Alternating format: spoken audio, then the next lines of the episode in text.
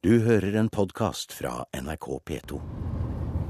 Ja, da er det rett før vi er framme. Nå ser vi Hamningberg på høyre side her. Fantastisk sandstrand på eh, høyre side av veien her. Museums reportasjebil er på full fart vestover og nordover i et øde og vilt landskap på Varangerhalvøya. Jan Henrik Ilebekk og Svein Harald Holmen er på vei dit veien slutter, til det nedlagte fiskeværet Hamningeberg. Men i museum i dag skal vi få høre historien om hvordan fraflytting ikke ble slutten for dette helt spesielle stedet på kanten av Barentshavet. Prosjektleder Svein Harald Holmen ledet det som startet katastrofalt og endte med suksess. Og nå er det bare noen hundre meter igjen til vi er framme. Ligger Hanningberg. Det ligger, har fjell bak seg rett, som står rett imot nord. Så det ligger ganske, bygda ligger flott i le med helt sørvendt. Alle har vinduene ut mot sør. og ligger perfekt plassert her mellom et, eh, to flotte naturlige havner. ene på vestsida her og andre på østsida. Og det er det som har danna grunnlaget for bosetninga. At du kommer deg ut med båt på begge vindretningene og mellom to rike fiskefjorder. Og kirke hadde de. Den eh, eldste kirka her den brant jo ned under krigen etter en eh, ja, litt for hyggelig kveld hos de tyske eh, soldatene som var stasjonert her oppe på festninga. Så, men rett etter krigen så, eh, så ble det vel i 48 bygd opp den kirka her. Hvis jeg husker rett på årstallet. Og her på venstresida så ser vi Hanningberg skole. Så den er i to etasjer. Da sa de at det var grunnskolen i første etasjen og høyskolen i andre etasje. Kan vi bare gå opp og så skal jeg fyre litt i ovnen, så kan vi gå ut etterpå og ta rundtur.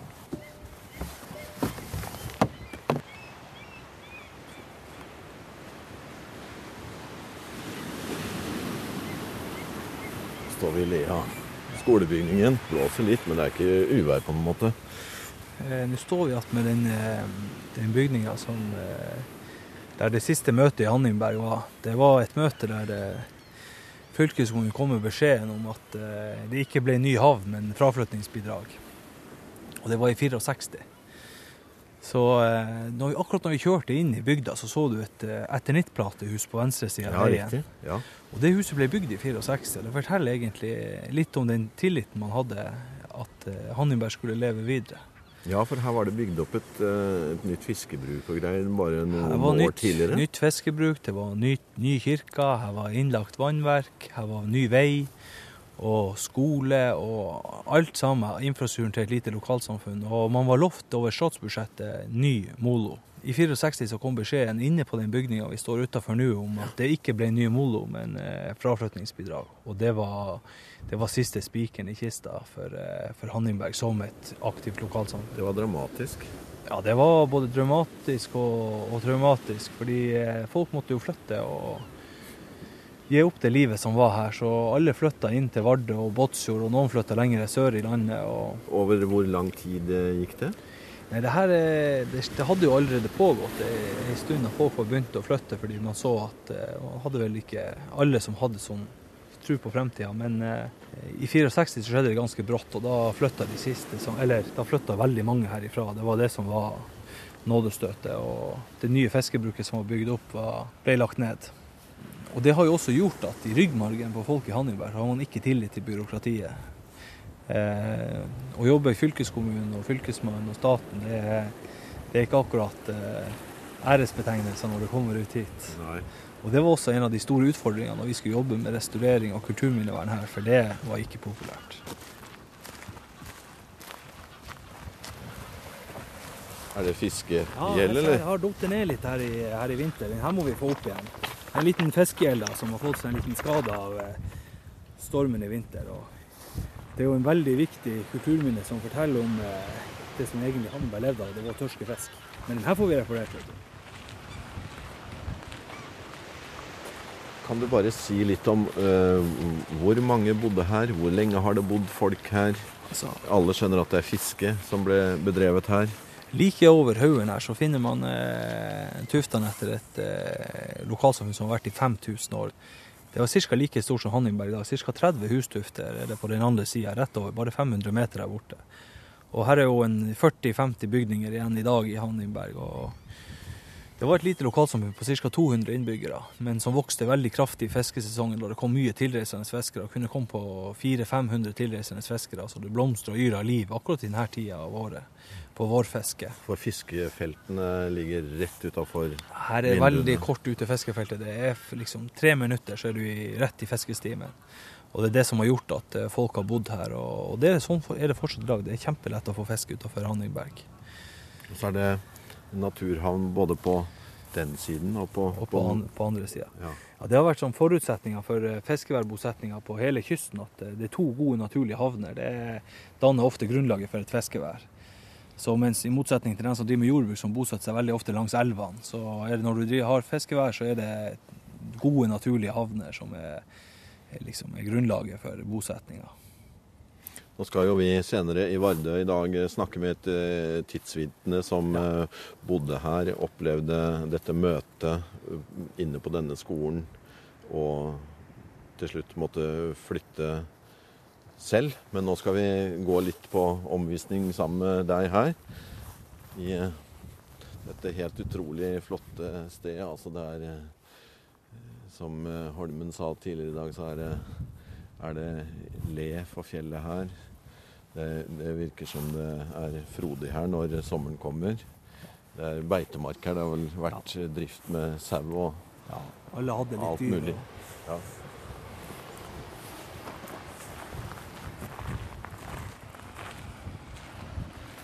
Det her er Er det her også et av de eldste husa?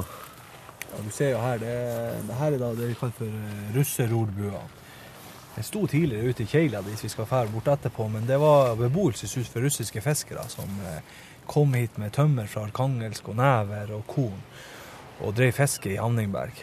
Så eh, det her er jo liksom lave buer med gress på taket og nevertekking, som du ser her. Utrolig flott og veldig karakteristisk for, eh, for Hanningberg. Dette er jo et sånn yndig fotomotiv for alle som besøker, besøker Hanningberg. Og en del av det freda anlegget som eh, vi ser en del av her, det er alt eh, borti ti bygninger som er, er freda etter kulturminneloven. Og eh, hele Hanningberg er jo et verna område, men akkurat det her er, er totalfreda. Så veldig viktige kulturminner for Hanningbergs historie. Da går vi videre utover. Det er én hovedvei på øya her, med stikkveier ut til sidene. Ja. Man går vi på en flott grønn Ja, den blir grønn. En gressbakke. Den er ikke lenge til før det begynner å komme noen skudd her også. Og vi ser rett ut i Barentshavet nå. Det kalles ikke vår, det her. Det er senvinter. Ja.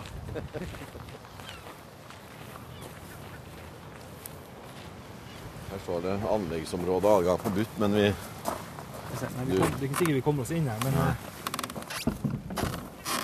men vi kan bare ta Vi det her. kan gå rundt. Ja, eller vi kan bare... Ja.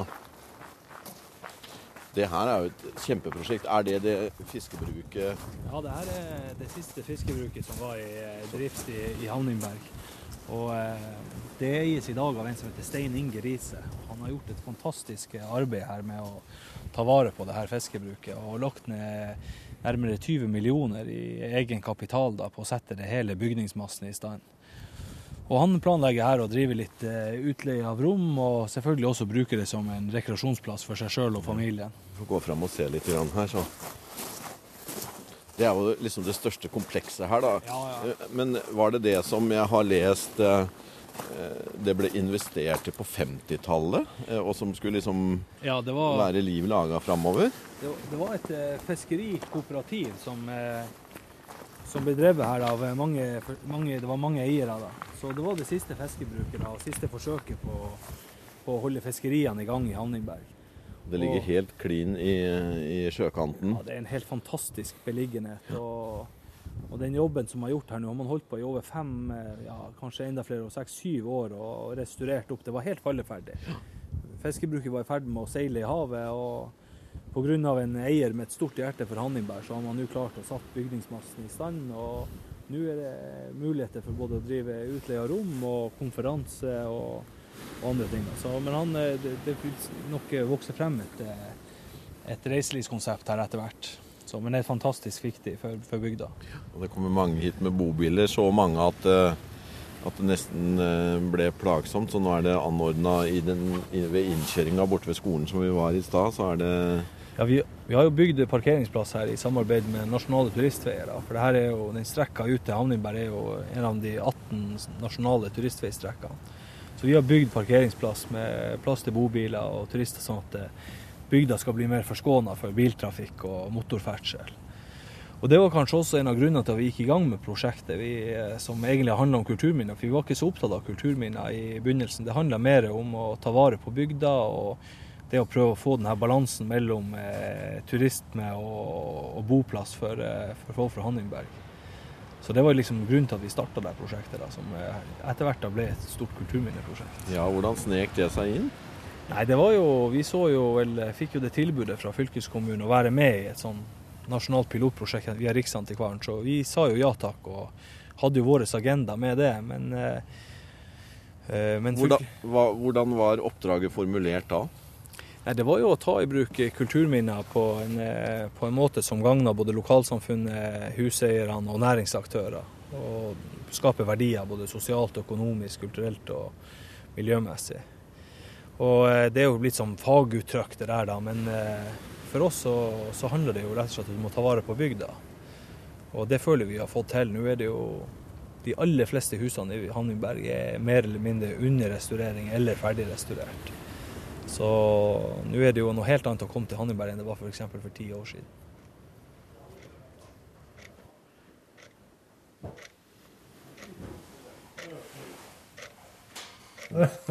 Hvorfor radioen? Nei. Se der, ja. Se. Er det din, det der? Ja. Så flott båt. Ja, det er de der tilbake. Ikke Hardbakken. Ikke Morsrud der. Arnljot Espensen har passert 80. Han bodde i Hamningberg til han var omkring 30 år gammel. Og han var til stede på det dramatiske møtet på Hamningberg skole da øvrigheta kom med budskapet som tok livet av bygda. Vi er i stua hans i Vardø. Ja, det var fullt. Det var både, både kjerringer og, og, og, gubber og, og voksne, god, godt voksne folk. Fiskere. Men uh, da de fikk dommen, da var det da var det dårlig stemning da de gikk ut gjennom døra. For da hadde de jo fått varsel flytt. Og ja, det var ikke noe annet å gjøre. De måtte bare bite i det sure eplet. Flytte mot dem. Ja. Er det Hurtigruta som ja. er på besøk? Ja. Den hører du hver dag? Ja, den hører jeg hver dag. Jeg er hver dag på kaia og synger. På jentene det var enestående som vokste opp der. For det var, det var likt for alle. Du måtte arbeide for å overleve fra du var guttunge. Og arbeidet var å ro fisk og ta vare på fisken. Når de kom, kom blant de, de eldste brødrene, og så hauga, guanoen. Tørke den og få det på, på gjelden. Så vi hadde arbeid nok. Det var, det, var, det var, veldig trivelig på den måten. Så vi var i masse brødre. Vi var jo, vi var jo ni brødre. Så vi var helt kompani. Så jeg, brukte å være med de, de eldste karene da, på sjøen. Før jeg kjøpte meg båt sjøl. Så det var godt å vokse opp der borte. Så jeg kjøpte meg en, en, en liten kjark i 58, 57, 58. Ja, det var i hvert fall jeg kom etter militæret. Eh, den gleden var ikke lenge, skal jeg si. Jeg kjøpte den fra Båtsfjord. Jeg kjøpte den fra Båtsfjord, og eh, så jeg hadde den bare syv måneder. Så mista jeg den. Eh, jeg var den siste som Jeg måtte jo sette dem opp, vet du, for, å, for det var jo ikke assuransehavn, så vi kunne ikke ha det på, havna. Så vi var nødt å ta dem opp i fjæra. Og jeg var den siste som, som satte det opp. Fordi de andre de hadde satt det opp for å Jeg skulle ro med Brynjulfdal her i Vardø. Begynte på banken, så, så ringte jeg meg sånn nå må du, komme, du skal i bunn. Jeg må jo få den kjarsken opp i fjæra, men eh, det var litt av et problem, vet du. For de andre var jo kommet så mye lenger opp. Så jeg var jo sisten i fjæra, selvfølgelig. Og så ble han en kjempekuling. Håvet fra Kiberg holdt på å forlise. Da lå vi nede på banken og, og dro lina med Brynjulfdal. Og, og, vi kom oss nå opp derfra. Det var nå greit. Det var jo en, en driftig kar av Brynjulf, og, og båten var god. Så en av de største som var jo aldri i den tida. Og når vi da kom, kom, inn i havna her, så var det en kjenning som kom på kaia, som ropte at du må ringe til Havniberg, du har mista båten. Ja vel.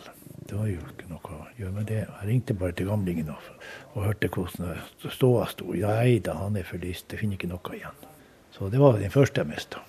Det var harde realiteter der ute? Ja, det var harde bud, vet du. Ja, Men det gikk nå. Det var bare å begynne å skrape sammen nye penger igjen. Og se nye.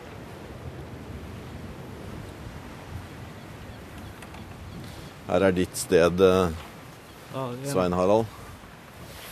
Er det da eldste, det eldste gjestehuset i Hanningberg. Det var eh, et rorbuanlegg for fremmedfiskere. Det heter Stor Hurraen. Så det er fra 1870 og eh, er helt autentisk. da. Det er ikke gjort noen endringer. er Og det disponerer du. Har du noen røtter her, eller? Nei, jeg er jo vardeværing, da, men eh, vi har eh, veldig nært knytta en familie her. og Det er bare fire mil fra der jeg er fra. da, så vi har jo, Jeg er vokst opp med å være her ute. og Så jeg har jo et sterkt forhold til plassen. En liten hengelås.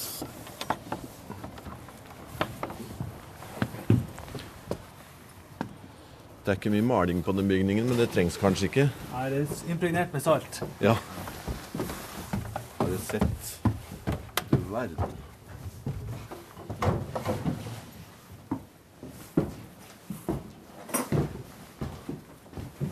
Har du sett? Det her er jo bare rent gammelt treverk. Så kommer vi inn i Er det ditt kammers? Ja, her er, her er bua mi. Så eh, det er så opprinnelig som det blir. Det er, Med russertømmer i, i vegger og tak og overalt? Ja, det er bare russisk laftetømmer fra Arkangelsk og eh, tregulv og vedfyring og gamle vinduer og det som er. God gammeldags eh, Skal jeg ta og fyre litt i ovnen her, sånn at vi får Det det eh? er jo ikke akkurat varmt her, nei. Og så har du utsikt eh, Hva ser du helt i enden her? Langt ute i horisonten. Ser du mot Vardø? Det er mot Vardø, ja. Og så har du et vindu.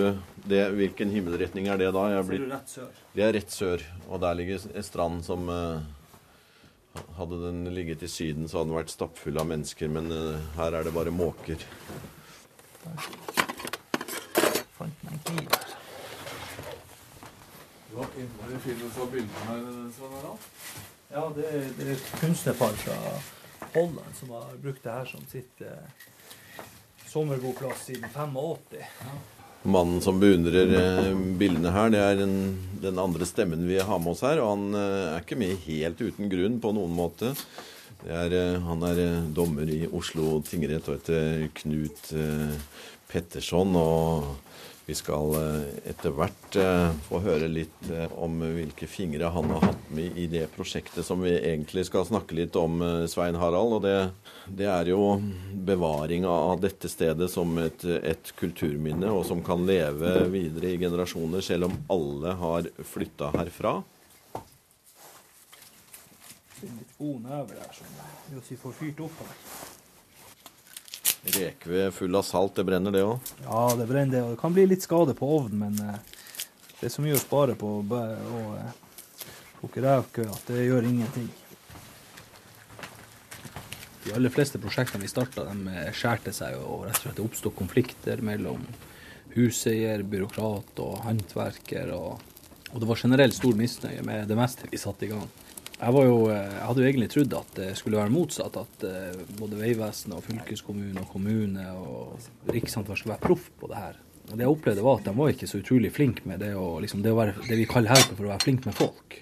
Så, og det her resulterte jo i, eh, for meg da, at jeg ble jo veldig deprimert over det. Fordi jeg, jeg følte jo veldig sånn lojalitet til bygda og, og folk her. Det var jo dem jeg liksom, og det var, vi jobba jo i lag om det her. og så eh, jeg ble jo såpass eh, Ja, det var jo, varte jo i et halvannet år med skikkelig mye konflikter. og Det toppa seg når Vegvesenet skulle asfaltere veien opp på fjellet her og lage parkeringsplass og lydinstallasjoner her, at eh, jeg ble jo, jeg holdt på å få meg juling rett og slett på sankthansaften. Og da, da var det liksom toppen av kransekaka, tenkte jeg. Hva i alle dager? Og det var jo så, det gikk så langt at jeg meldte meg på et sånn her meldte meg på et sånn selvhjelpskurs da, som jeg ikke, egentlig ikke fikk så veldig mye ut av, annet enn at jeg traff en eh, fantastisk eh, bra mann, han eh, Knut Pettersen, som sitter ved siden av meg her. Ja. Du var på kurs, du òg? Jeg var på det samme selvutviklingskurset. Jeg lå på, på matta på gulvet ved siden av Svein Harald. ja. Ja, nei, så begynte vi å snakke, og eh, så sier han Knut til meg at eh, jeg vet hva du er nødt til å gjøre. Eh, han jobber jo eh, han jobber jo som tingrettsdommer og er godt kjent med konflikter. Så, eh, så sa han at jeg vet om en annen måte å jobbe på, og anbefalte meg å ta en tur til Canada. Ja, For der hadde du vært? Der hadde jeg vært eh, et år eller to tidligere. Studert sirkelprosess. En annen måte å håndtere konflikter på enn det vi vanligvis gjør i rettsvesenet, som jeg, som jeg jobber innafor. I forbindelse med studiepermisjon så hadde jeg da vært uh, hos to brødre, to fra en indiansk stamme i, i, som holder til i Yukon og Alaska. Uh, og der hadde jeg vært og, og, lært denne sirkelprosessen, som jeg skjønte at uh, Svein Harald hadde behov for. Ja, Hva gjorde du da? Da var jeg jo såpass desperat at hadde han eh, Knut sagt at jeg skulle reise til månen, så hadde jeg garantert gjort det òg. Men eh, det som, eh, det som, skjedde, da, at jeg var to uker oppe i skogen med to brødre som heter Harold og Phil Gattensby, på hjemplassen deres, og ble introdusert til en annen måte å tenke og jobbe på. og det jeg gjorde da, det var at jeg tok med meg denne metoden hjem, og jeg hadde ikke sagt til noen at jeg hadde gjort det, fordi da regna jeg med at de trodde jeg var blitt komplett gal. Så eh, uten å si noe, så bare foreslo at vi måtte begynne å jobbe på en annen metode. og Istedenfor å kjøre møtene inne på fylkeshuset med byråkrater med laptop i den ene hånda og lovboka i den andre, så kjørte vi møtene her ute i Hamningberg på kafeen. Den ene dagen og den andre dagen kjørte vi møte i lavvo, så vi brukte to dager på et møte istedenfor tre timer, som man ofte gjør. I lavvo, ja? Ja. Eh, vi måtte på en måte bryte opp eh, litt av denne eh, måten å jobbe på, og liksom flytte litt arena. Og det som skjer når man da sitter rundt bålet i en lavvo og prater, det er at det, det, blir på en måte en annen dynamikk. Og, og, det viste seg å være veldig heldig for oss. Vi gjennomførte totalt ni sånne her møter eh, i lavvoen over to dager. og der både fylkeskommunen, Riksantikvaren, Kulturminnefond, eh, kommunen, alle har vært med på det her. Og eh, jeg tror alle kan skrive under på at effektene av det, de møtene ble noe helt annet enn det, man det som man vanligvis gjør da i, i sånne her type prosjekt. Arnljot Espensen var med på alle lavemøtene i Hamningberg, og han synes hele prosessen og resultatet har gagnet hjembygda hans. Jeg må jo skryte av han, han Svein Harald. For han kommer bortover, så har det sett altså ut som i katakombene, for å si det mildt. For eh, de, de fleste de møtte veggen vet du, med fylket, så de, de, ga opp. Og Det var i mange fine, gamle hus, men det, de gjorde det på sin måte, fattigmåten, at det, det var ikke så nøye hvilket vindu du satte inn eller hva slags panel du setter på. Så, eh, så kommer jo han der, mannen som sitter her. Så han kom jo til Da havnet jeg bare med teltet, vet du. Og da, da var det jo buljong i massevis. Ikke alle sorter. så da ble det jo liv, og, eh, og da begynte de å søke. Og fikk da søknaden inn, og, og noen fikk jo. Deriblant fikk de jo til Nilsenhuset. Det, det, det er jo et fint hus. Jeg tror de fleste var glad når Svein Harald kom til Hanniberg. At vi hadde en mann som kunne hjelpe oss på, på den måten. Så jeg sa til Svein Harald oppe i teltet mange ganger du kan være glad du er i Hanniberg. La med oss. Så har Hanniberg vært som helt Ja, både tak og vinduer og alt har jo vært bare katakomber. Så det var bra, Svein Harald. Men nå er det fint der? Ja, nå er det fint. Nå begynner jo de husene, de gamle husene å få litt skikk på seg. Deriblant det gamle Nilsen-huset. som som holdt på å ramle ned. Jeg syns det var fantastisk å komme bortover og si at det blomstrer litt opp.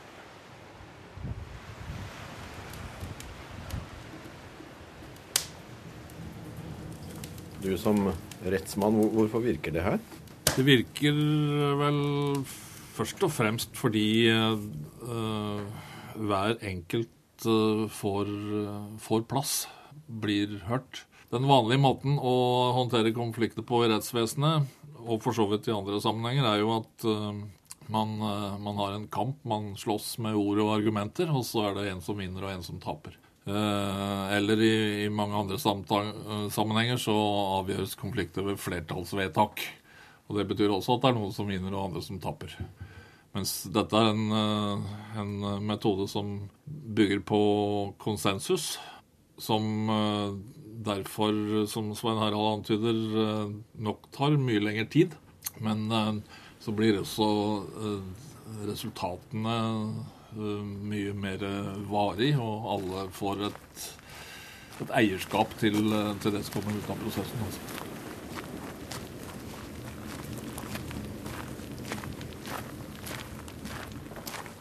Og da er vi på et område her som kalles for Russekeila. Det er en liten småbåthavn som eh, ligger helt innerst i, i Havningberg. Dette prosjektet har vært veldig viktig for hele bygda, for det, det er her folk har båtene liggende sine på sommeren. Så her har vi gravd ut løsmasser og fjerna masse sånn at man kommer seg ned på kan gå ut med båt her på Fjæra sjø. Det er veldig stor forskjell på Flo og Fjæra her. Og, og, eh, men nå etter utgravinga så har vi én meter på laveste lavvann, og det gjør at det er mye lettere å holde på med båt her. Så det er faktisk en liten erstatning for den moloen som aldri ble bygd?